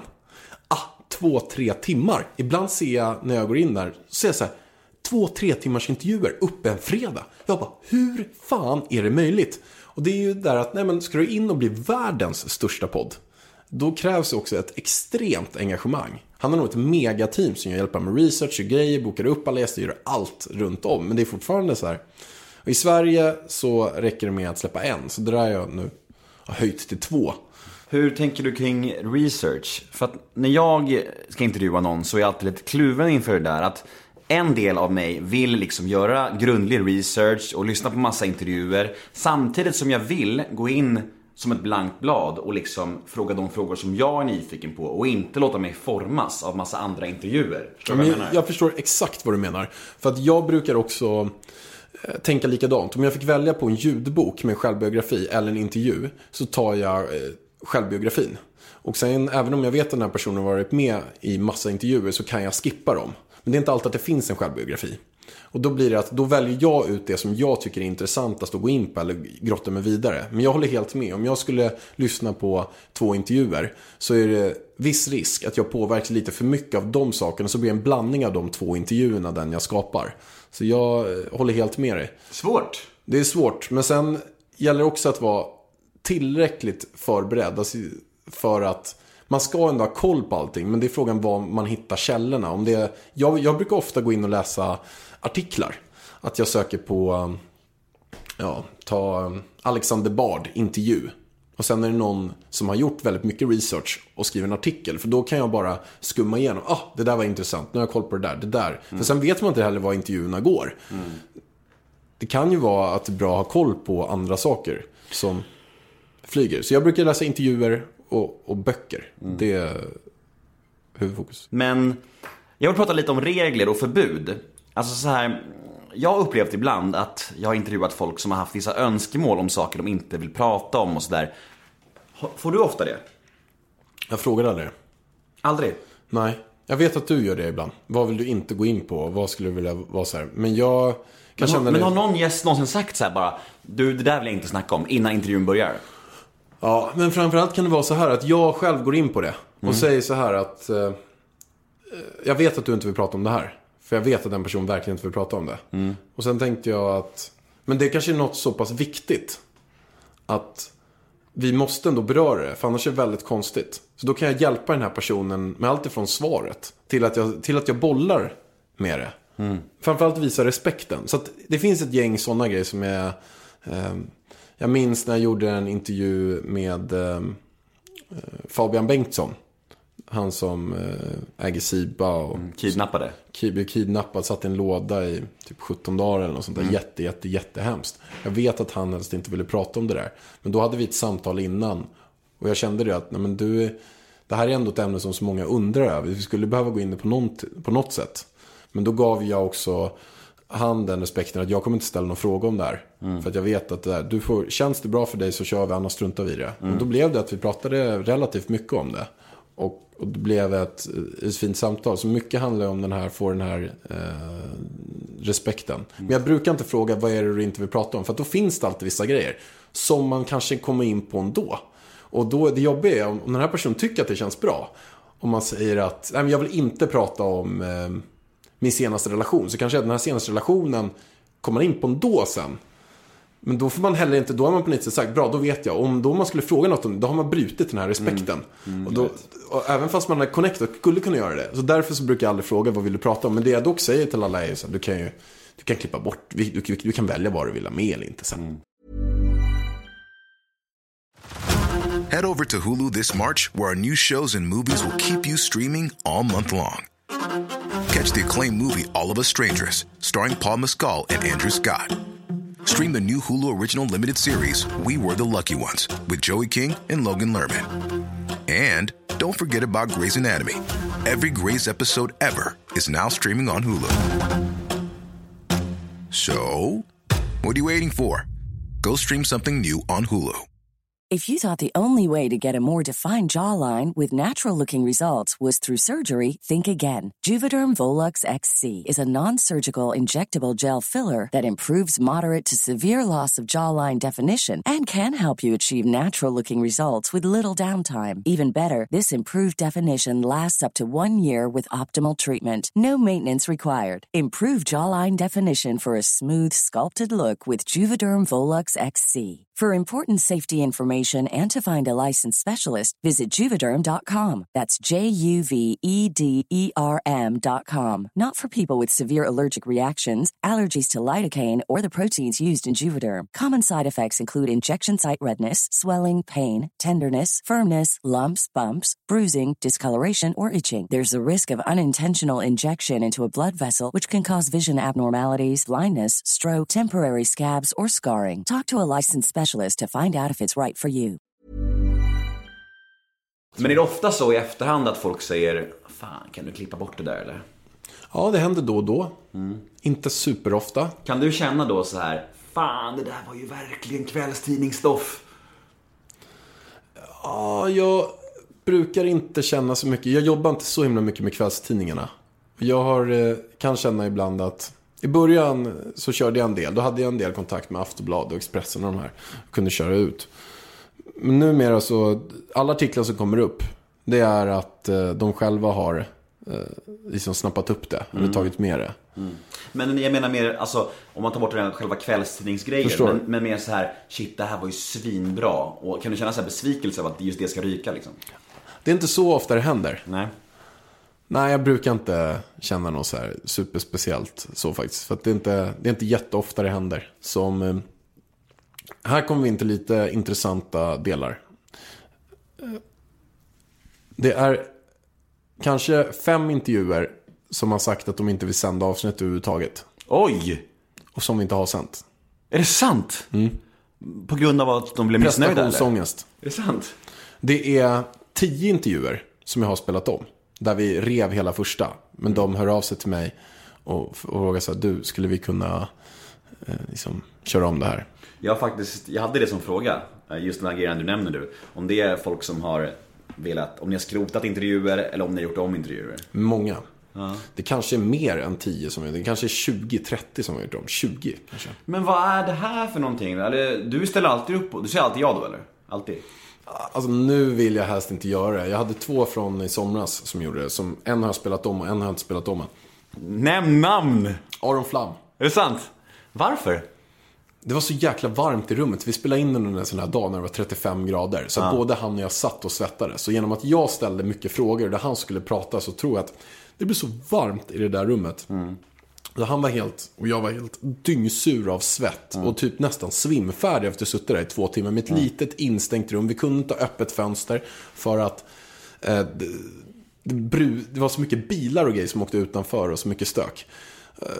Så, så då, var, då sa han så här, "Nej, vi, vi kan inte sända det där. Och sen har vi bara inte hittat en ny tid. Så där är en av dem som eh, har gjort det. Någon mer? Känd? Ja, men det är ett gäng. Framförallt är det också, vi säger att det är 20 jag har spelat om med. Så kanske det är 50 som har gett det på förslag. Som jag har sagt sen, nej det, det här är superbra. Och jag har funderat på det där en del. Jag bara, hur kommer det sig att det är så många som går ifrån mig och inte nöjda? Eller känner att de har prestationsångest. Och, och en sak varför det är så. Det är för att många som kommer till mig, de kanske inte har lyssnat på podden. De kanske efter de har träffat mig känner så ah, men jag betar av något avsnitt och lyssnar. Och då hör de vilken nivå det är på. Då känner de att deras intervju, det de har att säga, inte var så himla mycket när de lyssnar på kanske en Kjellén Hager eller en Christer Olsson eller någon som Max Tegmark eller det kanske är Leine Eksvärd eller vem som helst som är en sån här, kommer med så här monsteravsnitt verkligen, Stordalen eller någonting. Så kommer de bara, oh, vem är jag när jag jämför med dem? Och då får de jätteångest över det. Och sen ofta när man sitter i två timmar och spelar in så är man oavsett på slutet väldigt trött. Man är så här, och man vet inte riktigt vad man har pratat om heller. Och blev det här bra eller blev det inte bra? Men jag tror att det har att göra med att du ofta intervjuar folk som är så här karriärister och framgångsrika och big shots liksom. Och de är väl perfektionister ut i fingerspetsarna. Så de är, drivs för mycket av prestations och prestationsångest. För jag har aldrig upplevt det här nästan. Just det här med att folk vill spela in avsnitt igen, att de vill göra om det. Jag har ju släppt lika många episoder som dig och jag har nog aldrig hört det. Det är nog skillnad, det är ju Nej, märkligt. Jag har haft det på... Nej, men jag har spelat in 20 stycken. Det är fem stycken som vi inte har sänt ens. Men något som också är intressant, det är att det är folk som eh, har eh, också gett på förslag och betala upp till en halv miljon för att få ett avsnitt. Men vadå, så folk, alltså, folk som är asstora inom sina områden har liksom hört av sig till dig och erbjudit en halv miljon för att få vara med i din podcast? Japp. Det är helt galet. Upp till ännu mer till och med. Vad, vad säger du då? Nej, jag säger nej. Varför? Det är ju fantastiskt jättemycket pengar, men det är också så här att... Alltså det är jättesmart att göra det. Jag, jag säger inte att det är en dålig investering. Det är nog en fantastisk investering. För jag har ju ganska mycket eh, samarbetspartners som jag kör eh, i podden med. Och det är inte gratis att gå i Framgångspodden. Vilket gör att då pratar jag om det några minuter och integrerar. Men om man skulle få en och en halv timme istället eller något. Så är det ju mycket bättre. Så det kan till och med vara en väldigt, väldigt prisvärd mm, medinvestering. Men jag gör inte det här för pengarna. Jag gör inte det här för... Jag gör det bara för att sprida kunskap, för att jag själv ska få sitta i ett spännande samtal. Sen är allt annat en bonus runt om av det som kommer. Vilket gör att om jag skulle gå med på sådana bitar så är det från mina värderingar på varför jag startar överhuvudtaget. Alltså, om jag skulle inte ha en enda partners, jag skulle inte ha en enda lyssnare. Så skulle jag fortfarande tycka att det här var kul att göra. För att jag tycker att sitta i sånt här samman med dig, Nemo eller med någon annan och prata om livet och sånt. Det tycker jag att alla personer ska göra lite mer om. Hur ofta sitter man ens med sin partner eller någon nära vän och bara undrar så här, du hur mår du? Vad kände du? Vad var det som hände i barndomen som gjorde att du, har, du mår bra idag eller du mår jävligt dåligt idag? Och, och det samtalet tycker jag är det viktigaste för mig. Att jag kan ta åt mig den här kunskapen och lära mig av den. Och sen så är allt annat en bonus. Och det är det jag också tror jag var en av nycklarna varför Framgångspodden har blivit stor. För att jag har hela tiden drivits av passion. Jag satt med Alex Schulman, när jag spelade in ett avsnitt med honom. Han har, han har också varit med i din podd. Och då eh, sa jag så här att Nej, men jag har faktiskt gått upp till att gå från fyra avsnitt så släpper jag sex avsnitt per månad. Och då var hans första fråga till mig. Jaha, men eh, hur mycket mer pengar tjänar du på det? Och då var jag så här. "Nej, men Jag tjänar inte mer pengar på det. Jag hade inte ens tänkt tanken. Och det tyckte jag var rätt häftigt. Att jag hade inte ens tänkt tanken. Jag gjorde det mer bara för att jag tyckte det var kul att ge mer avsnitt. Men hans första fokus var, eh, okej, I do it for the money. För då tänkte han, ska jag göra någonting så måste jag tjäna pengar på det. Men jag gör det, den meningen säger mycket, jag gör av passion. Och det är därför jag höjer nu. Från, från 4 till 6 till 8. Och det är inte för att jag tjänar mer pengar på det. Jag, har inte, jag kommer inte fylla det med partners. Men det gör jag för att, eh, av passion. Att det är häftigt. Men du, på tal om pengar, eh, har någon gäst krävt betalt? Vissa gäster har frågat. De har frågat så hej, är det något arvode? Då, jag, då brukar jag förtydliga mer. Att den här podden har så här så många lyssnare och så här och ingen gäster får betalt. Så att jag har inte betalat. Jag kan säga en sak jag har gjort. Som jag inte har pratat om. Jag satt i en intervju med Annika Östberg. Väldigt fin intervju. Jag tycker verkligen du ska ha med henne i podden. Hon satt 30 år i fängelse i USA.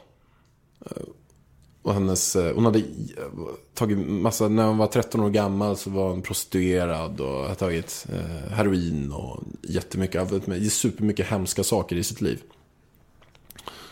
Men i början av intervjun så frågade jag henne, men hur mycket, vad, vad gör du för liksom make a living? Vad tjänar du pengar på? Då sa han att jag har eh, en del föreläsningar. Jag bara okej. Mm. Och då tänkte jag så här, vad, vad kan man tjäna på en föreläsning? Och något sån där, någon sån här standardpeng i föreläsarbranschen är i alla fall 20-25 tusen kanske per föreläsning. Som är så här, det brukar väl de flesta typ kunna ta. Någonstans där. Men i alla fall 15 till 30 är väl någon som. Så då bara, ah, okej. Så tänkte jag inte så mycket mer på det. Sen så hörde jag hur tufft hon har. Att nu när hon, hon har ju varit borta nu i, hon har suttit i fängelse i 30 år i USA. Vilket gör hon kom till Sverige. Hon har ingen jobb och, och sådana bitar. Och eh, tjänar väl, väl lite pengar. Eh, Och kommer bara få några tusen och jag tog 2000 kronor i, eh, i pension nu i, från januari. Eh, Och det här pratade vi om efter, eller jag hörde det i podden att hon sa någonting om det. Så efter när vi stängt av podden så frågade jag så här, du började tänka så här, hur många föreläsningar hade du? Hon bara, en till två per månad ungefär. Jag bara, vad tar du för en föreläsning? Tänkte jag då. Och hon bara, nej men 10, 10 000? Jag bara, okej, hon tjänar alltså 10 till 20 000 kronor per månad på faktura. Jag bara, wow, det var tufft alltså. Så jag sa det, jag bara, du kan fakturera mig för tre föreläsningar för att du var med i, i podden. Uh, för att det kändes, nej, men det kändes skithäftigt med att nej, men kunna ge tillbaka någonting. Men sen också att hon hade, jag satt och insåg där hur tufft hon har det också nu. Här, och sen hur hennes liv varit så hemskt. Och ändå så får hon vara med i en podd som heter Framgångspodden. Ja, men framgångspodden är ju inte, det är ju vad jag känner vad framgång är. Och framgång är inte förknippat till pengar. Sen har ju hon gjort, varit med om ett hemskt brott där det är flera som har dött. Och så, så det är självklart man kan fundera på, på det. Men framgång är ju väldigt mycket också att man ska få, få ta del av folks livsöden och lärdomar. Så att man, ska, man, man själv ska kunna applicera. Jag kommer ha med en person nu som har eh, haft ett eh, jättestort eh, eh, spelberoende och är i det just nu. Han spelar bort alla sina egna pengar, alla sin familjs pengar. Han har förlorat vårdnaden om sina barn. Han har haft det så här svinetufft och är i det nu, bor på skyddad ort för att han har mordhot på sig och sånt. Mm. Det är väl bra tänker jag. Och, Ja, men och bygga alltså- ut lite på konceptet. Ja, men då, lär, då blir det så här, folk som sitter i samma missbrukssituationer eller kanske mår dåligt av spel, då får de höra där. Och sen så är det folk som kanske också struntar i att fastna. Så att den ska utbildas och vad framgång är. Ja, tänker man pengamässigt, eller tänker man sådana bitar. Så, så här, men det där lämnade jag ju för flera år sedan. Nu är framgång, nu går jag in på eh, saker som gör så att man kan lära sig något och må lite bättre. Det är väl det. Är väl det. Orsak till andra personers lycka. Har du någon gång skrotat en intervju, alltså självmant, för din del? För när, när du känner att det är för dåligt? Eller Ja, du... det har jag gjort. Ja. Det har jag också gjort. Det har jag bara gjort... Jag har fan gjort det tre gånger alltså. Tre gånger har jag gjort det. Men framförallt en gång. Framförallt en gång. Vem var det då? Du vill, inte, du vill inte säga det här, det är Nej, det. men jag, det är ju respekt av den personen jag inte kan säga det. Vad säger det, du då till personen? Nej, men där blev vi nog... Jag tror inte vi är vänner. Är det sant? Ja. Oj, du måste berätta det här sen. Nej, men där är ju en stor företagsledare. Ja. Och varför jag gjorde det för? Jo, men det var för att... Vad kan bli så dåligt liksom? Nej, men det var mer att jag inte tyckte att han var en bra person. Okej. Det var nog det. Du vill liksom inte promota en sån person? Nja, det var så här att jag vet att han hade många som eh, tyckte att han hade eh, blåst honom. Alltså det finns en del som var att han hade blåst massor av personer. Och då vill jag ta upp och prata om det. Och det här var personer som är ganska... Han har ju mycket power. Men de här personerna har inte det. Det är så vanliga människor som har till och med fått så skulder eh, i sina liv. På Kronofogd och sådana grejer. För att, de, för att det blev fel i allting. Där. Och, och ett gäng, kanske 20-30 pers. Och det här var ju självklart en del av jättemånga delar. Och han har gjort jättemycket andra grejer som är bra. Så att, men det här var ändå en del som jag vill gå in på och prata om. Men då börjar han skylla ifrån sig på alla de här andra. De som sitter med att han har mycket pengar.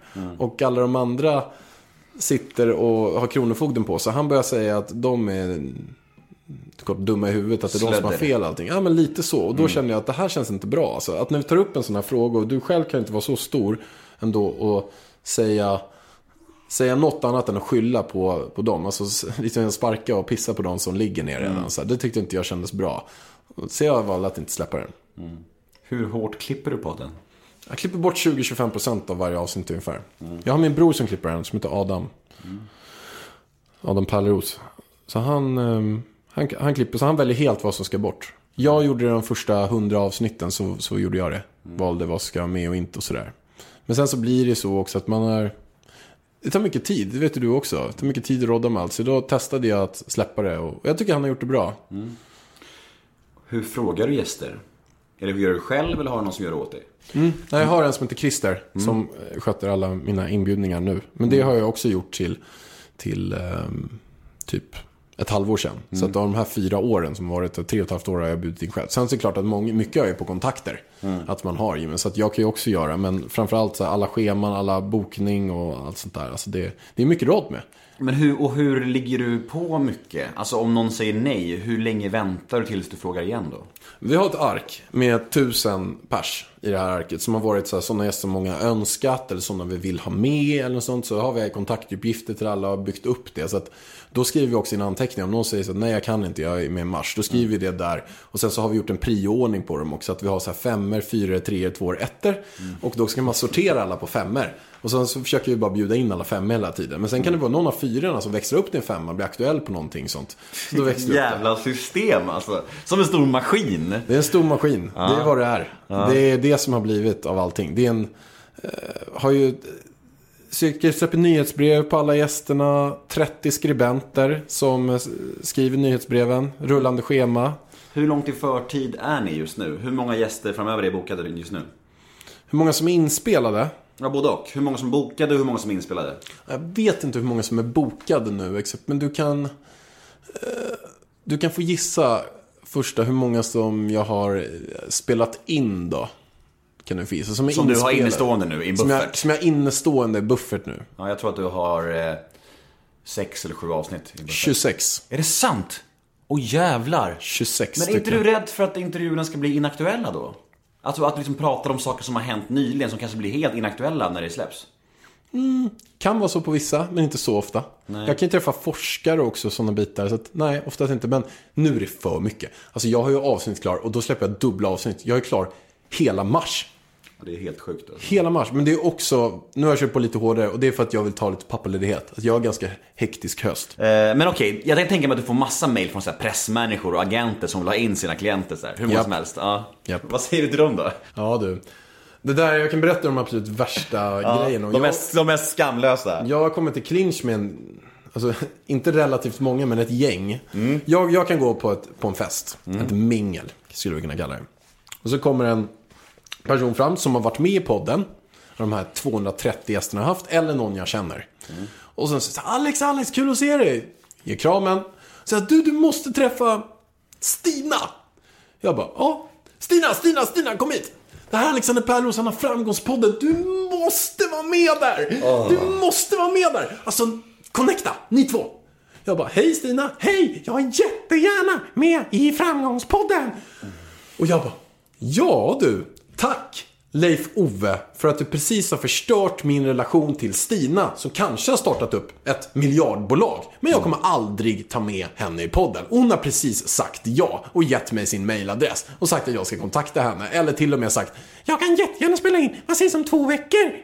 Och jag bara, fuck! Varför ska jag ställas i den här situationen nu och behöva vara så här, tyvärr, du får inte vara med. Men då får, bara- du, då får du använda det här att du är fullbokad några månader. Ja, jag brukar ju vara så. Jag brukar ju hålla på och dra ut det. Men jag gillar heller inte att vara att ljuga, för då blir det tvärtom. Han sa att jag fick vara med och sen var jag fullbokat och nu kontaktar han vilket jävla svin. Det blir lite det åt det hållet också. Så att sådana grejer är inne, inne konstant hela tiden. Men jag har blivit väldigt duktig på Ska, en till grej om, om de där grejerna som har skett nu tre gånger under hösten.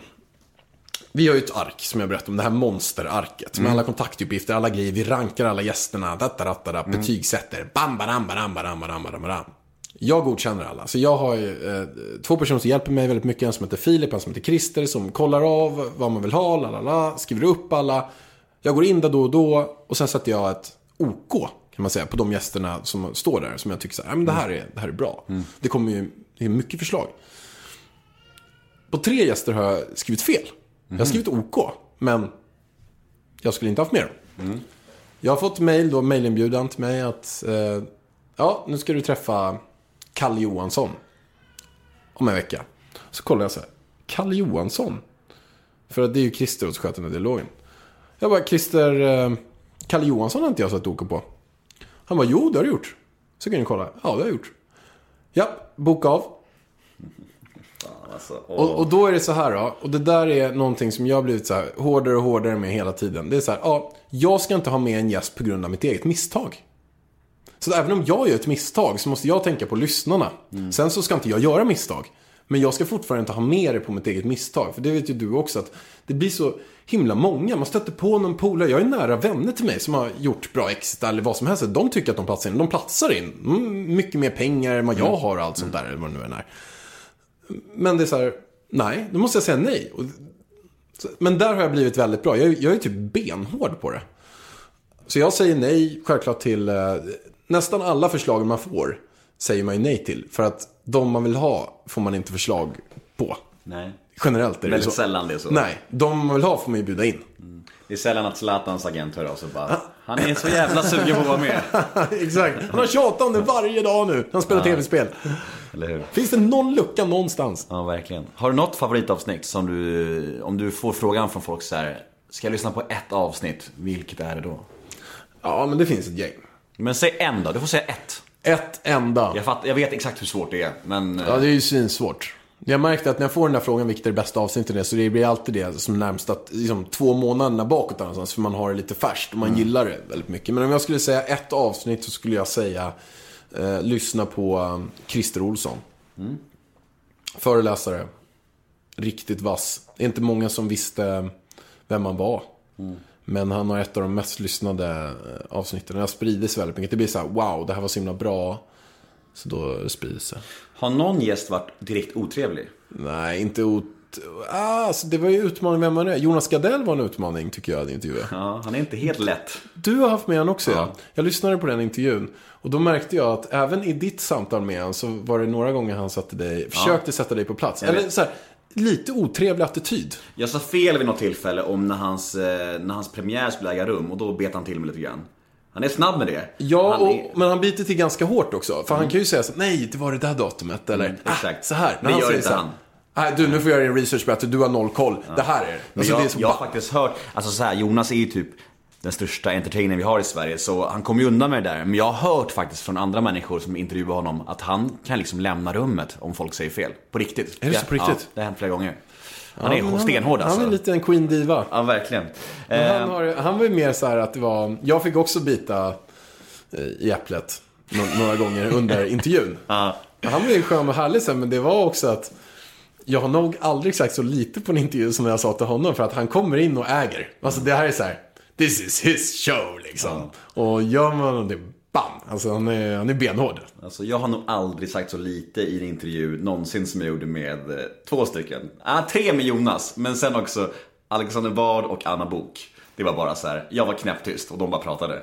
Hela intervjun. Alexander Bard är men Alexander Bard är också ganska... Ja.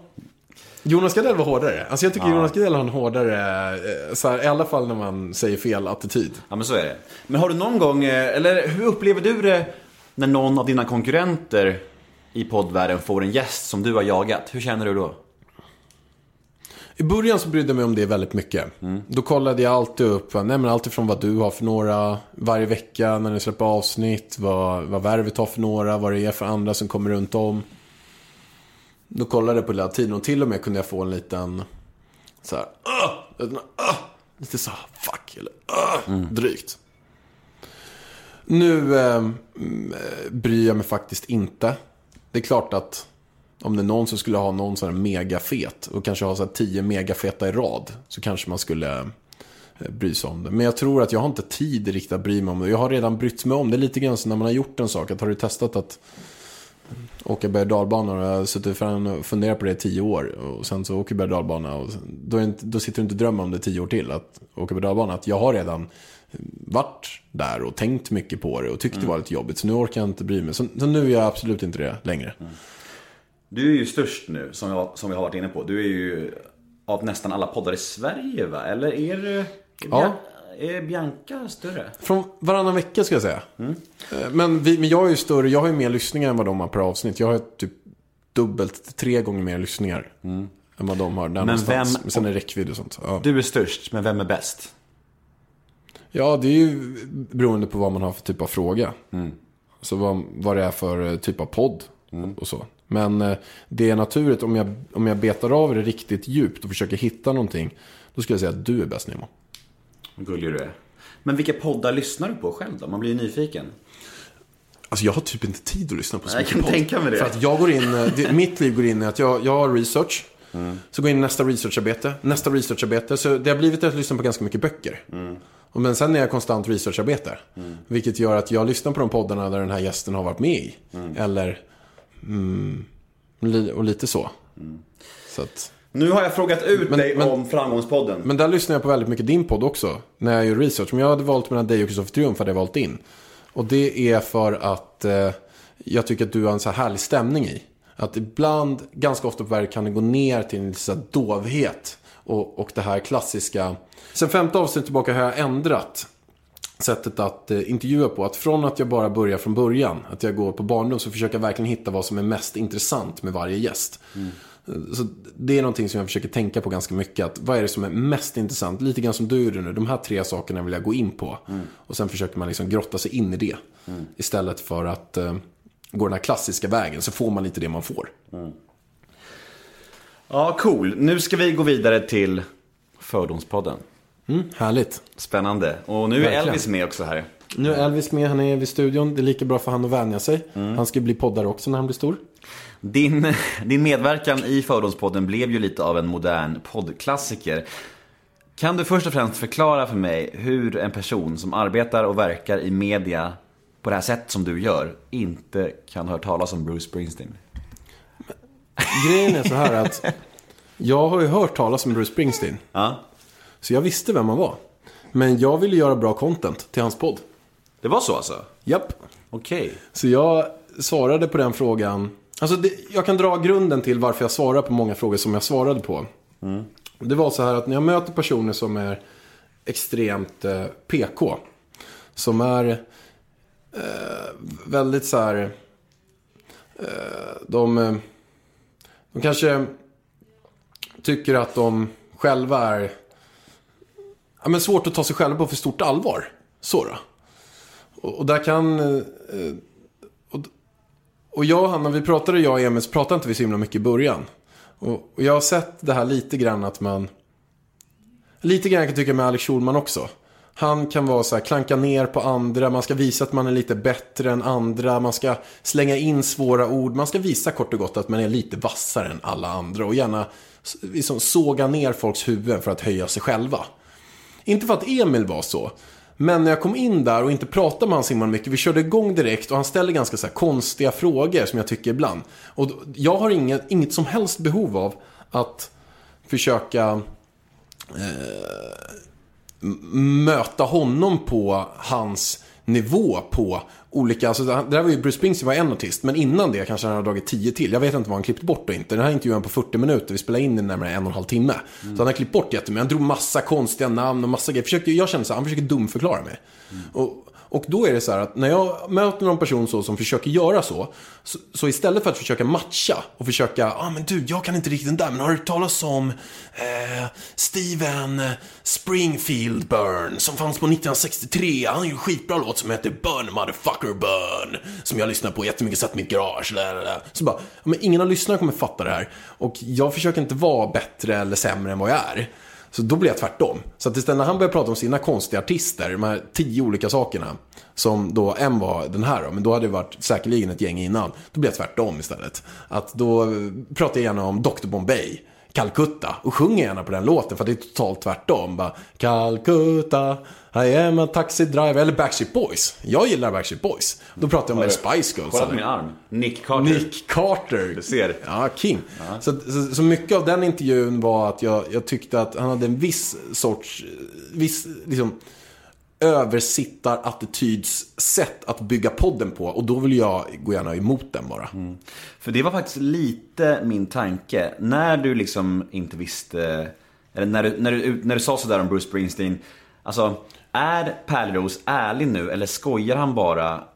Jag är ju extremt ironisk. Ja, men Så det kändes som att du visste att det skulle bli en snackis också om du höll på sådär lite grann. Att det var Ja, ganska jag gjorde ju- medvetet. Jag, liksom. jag, jag gjorde ju det på mycket saker i den podden. Det där var Ja. en fråga, men det var ju mycket saker som jag började prata Men, men jag ville, jag ville liksom skapa bra content. Mm. Alltså ge han den, den saken att, att få bra, att jag gör inte att jag, jag tyckte många frågor var så här att det är ju så konceptet är, men jag känner inte igen mig jättemycket frågor. Säkert hälften eller 70% av frågorna var så här.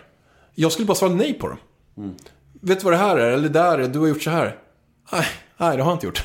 Men hur roligt är det att lyssna på? Vilket gjorde att jag ville dra längre utläggningar eller gå in och skapa någonting utav det. Så det var, väl, det var väl så. Men sen är jag också så här, som jag sa förut, man ska leva det liv man själv vill leva och inte vara någon annans. Jag målar mina naglar om jag målar naglar. Om många tycker att jag är böge eller gay eller att jag är äcklig eller skit, jag skiter i det. Och lite grann var det samma sak här. Att, nej men om han ska sitta och vara så himla smart på så mycket saker. Nej men då, då kan jag eh, berätta att jag inte är det. Och de sakerna jag inte kan, det säger jag att jag inte kan. Och sen så kan jag svara konstigt på frågor som jag tycker. Och, eller så här att om, jag, om han gillar massa konstiga artister jag aldrig hört talas om. Då berättar jag att jag gillar Dr. Bombay och Backstreet Boys. Sen lyssnar inte jag på Dr. Bombay. Men då tar jag det extremen åt andra hållet istället. Så det, det, det var lite så jag eh, eh, svarade. Men sen var det så att jag och han möttes ju efter 70% av podden. 70% av podden, vi hade knappt hälsat på varandra innan. Vi kom in där, satt oss där.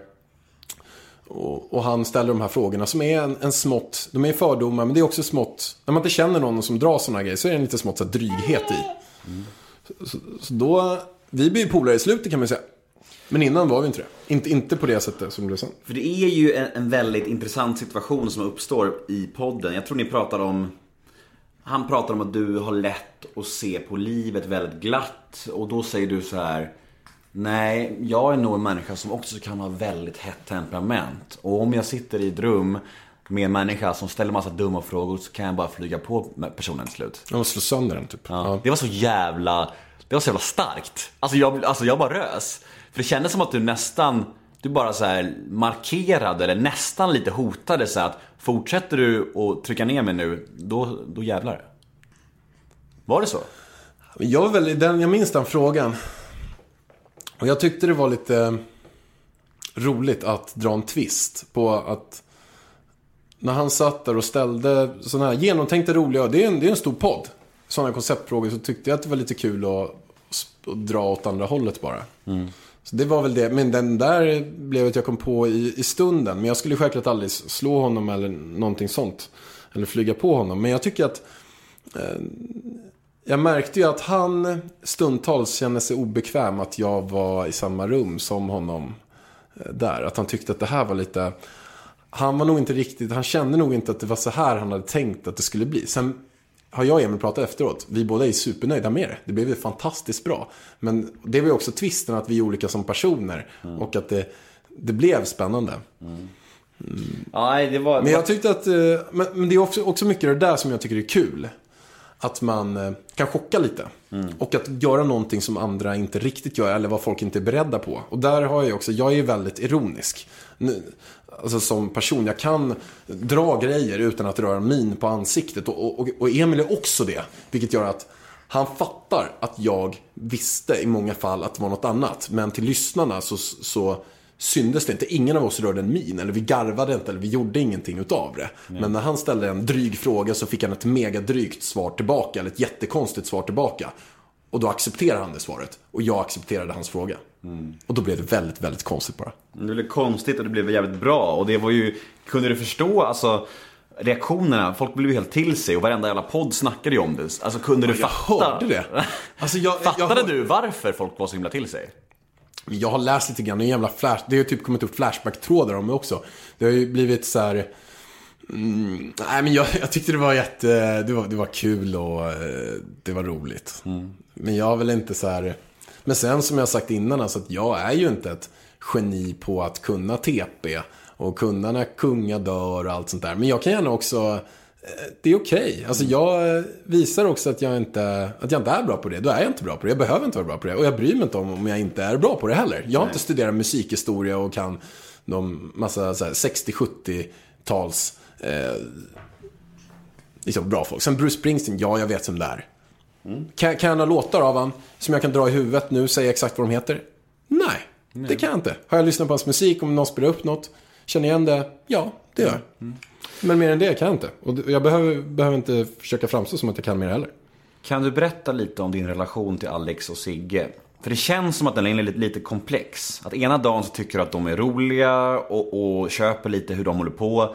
Medan den andra dagen så blir du, medan den andra dagen så blir du lite ledsen och, och tar illa upp för hur de håller på liksom. Ja, men där, det har du helt rätt i. Det har du helt, helt rätt i. Och jag tror att jag nog har varit så här, jag har tänkt på det lite mer än vad jag har gått ut med. Men första gången de gjorde någonting för kanske två år sedan eller något. Då var jag i Spanien. En stor podd började prata om mig. Jag, jag blev väldigt ledsen. Jag tänkte så här, oj vad är det här? Jag har ju bara gjort det här i syfte att vara gott. Och sen är det några som totalt gör, gör sig åtlöj på mig och skrattar på mig. Och, och säger att jag är korkad typ. Och det är klart, jag, jag mådde inte bra över det. Jag mådde jättedåligt. Men jag känner väl, eh, nu har de gjort det kanske tio gånger då, och jag, det är nästan som att jag har fått ett stående inslag, i alla fall varannan månad i, i deras podd. Något sånt. Och jag tyckte senaste gången de gjorde med det här, med fördom så jag dog. Jag, kunde, jag, jag dog, jag vek mig av när de gjorde en eh, liksom tanke om det. Och jag tror att det har gått från att Alex eh, i alla fall har haft något typ av hat till mig. Det har jag känt. Han har haft ett intressant hat. Han har sagt att jag är exotisk, men ändå har han tyckt illa om mig på ett sätt. Så att det har varit både kittlande och äcklande för honom. Det har gått över till att han eh, gillar mig. Men sen så vill han också, sen så är han den han är. Och han har ju sågat och slaktat många personer. Och det är det jag inte gillar med honom. Att han har byggt mycket av sin karriär på att såga andra människor för att eh, eh höja sig själv. Och det är någonting som jag också eh, står för, att jag inte gillar. Det är där vi skiftar. Men sen har han, han är ju väldigt duktig, han är ju rolig. Han skapar ju bra content, han är ju en contentmaskin. Han är ju smart, han är ju intelligent. Men jag tror också att han kan, man kan vara det utan att andra blir sårade. Mm. Så det är ju som du säger, det är, nu senaste gången var väl så här, ja, jag tycker att det var svinkul att göra och de får göra lite vad man vill. Det är lite som de också nämner i podden, att det kan vara svårt att nå mig för att jag bryr mig inte så här. De kan köra på, de skulle kunna släppa någonting varje vecka. Och jag tror att bara jag har min, mina värderingar så får de jättegärna skicka in lyssnare till min podd. Och de kommer fatta att fan, det här var ju intressant. När jag pratar om det här, syftet är något helt annat. Mm. Med det.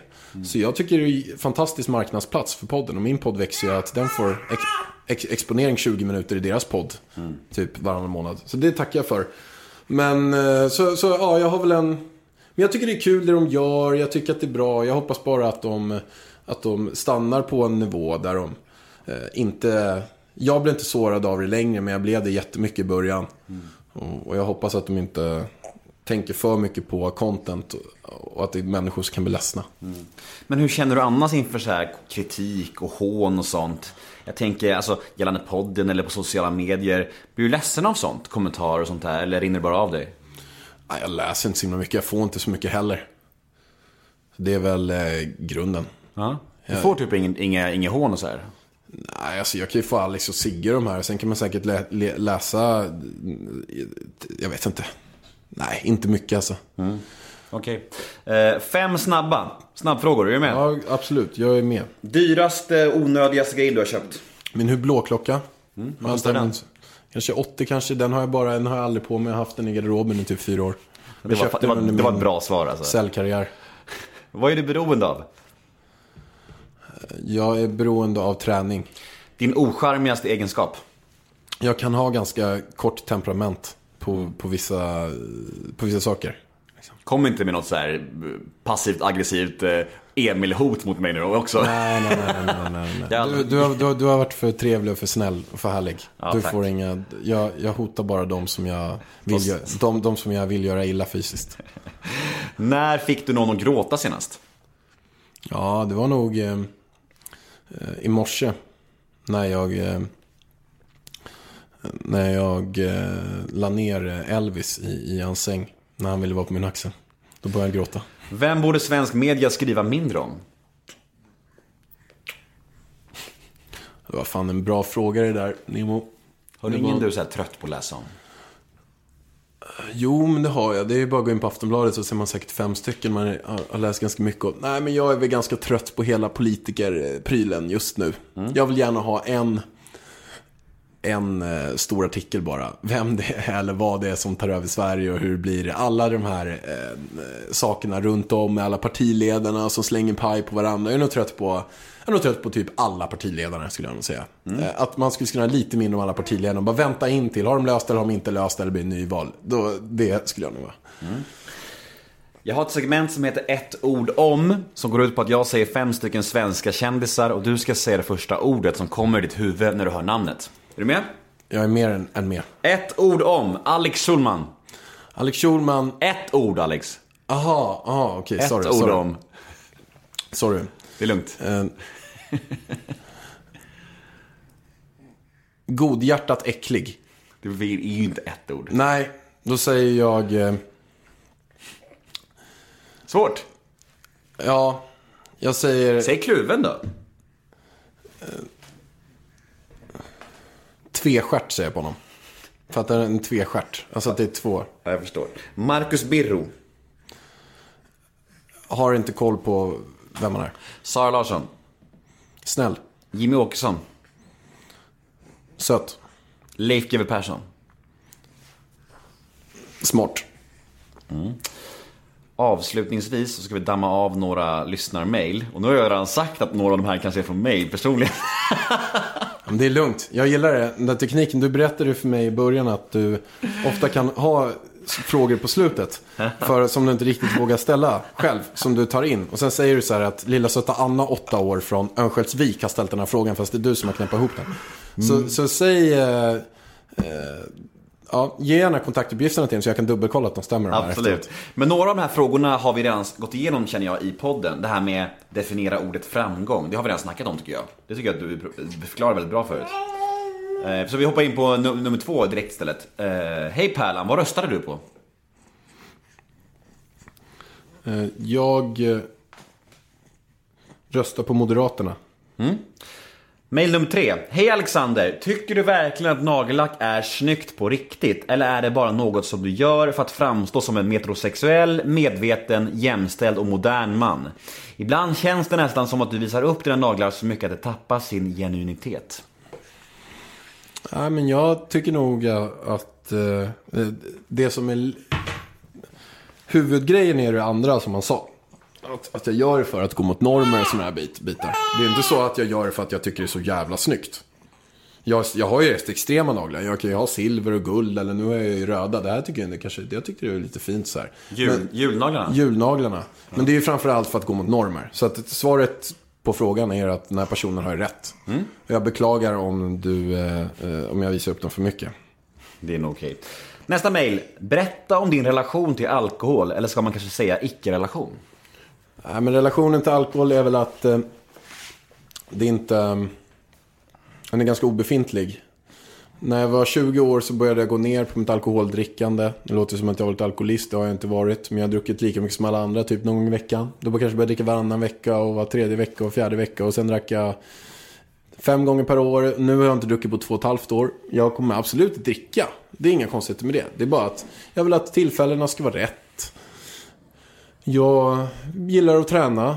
Om jag skulle kröka ner mig jättemycket blir jag ofta sjuk i två, tre dagar och då drar jag ner. Så jag är ganska mycket så här, allt som är bra i livet försöker jag göra mer av, allt som är dåligt försöker jag göra mindre av.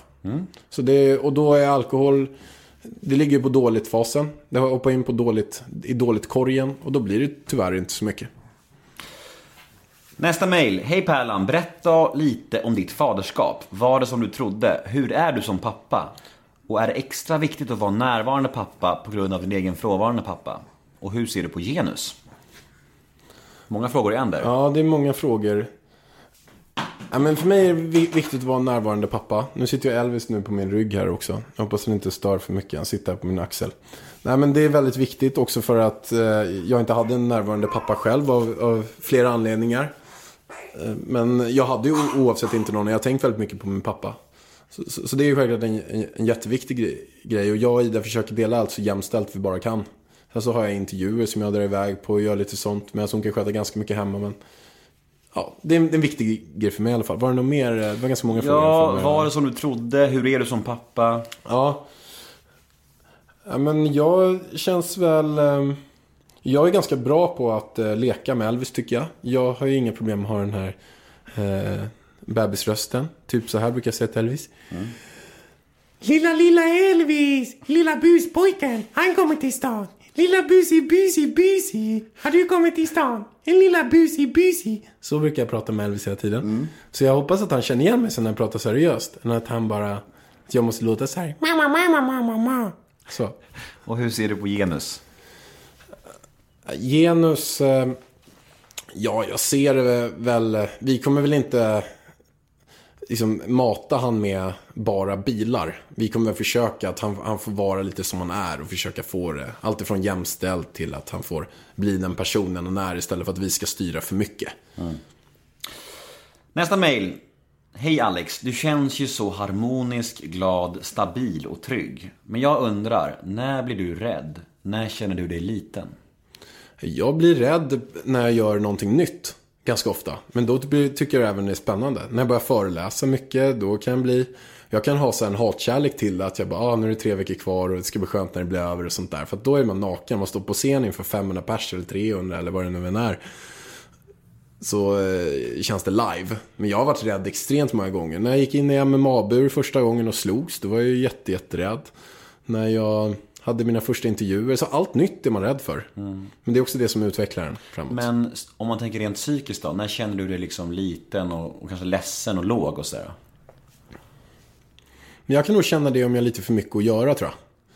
Att jag känner att jag har ett väldigt fint liv och jag har matat in mycket i det men eh, jag känner mig själv inte lycklig. Fast jag känner att jag nästan borde, jag känner nästan press att jag nästan måste vara det. Att jag har så mycket fint i mitt liv men jag mår, jag mår inte bra i det. Och så har det varit lite grann nu på slutet av eh, Q4. Att jag har känt att jag har haft, nu ligger jag som sagt 26 intervjuer före. Och det är ju så här, ja det är ju nice att vara det. Men det är ett jävla jobb. Q4? Nej men, ja Q4. Jag vet inte, jag pratar i termer, men december, november, Ja, kvartal fyra? kvartal 4. Ja. Shit, snacka om ett framgångsord. Framgångsordet. Kuk4. Ja, verkligen. Hej Alex! Jag har lyssnat på din podd ett tag och jag undrar varför du har sån förkärlek för klyschor och citat. Ja, men det är för att mycket av det driver människor framåt. Att man tar åt sig någonting som man lätt kan ha det. Och min fru Ida, hon kan ju också må illa av att jag drar sådana grejer hela tiden.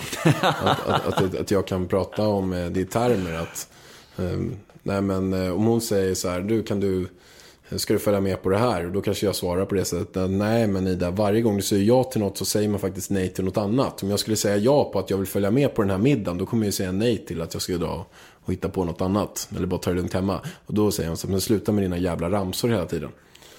Så, det, så, så kan det ju eh, absolut vara.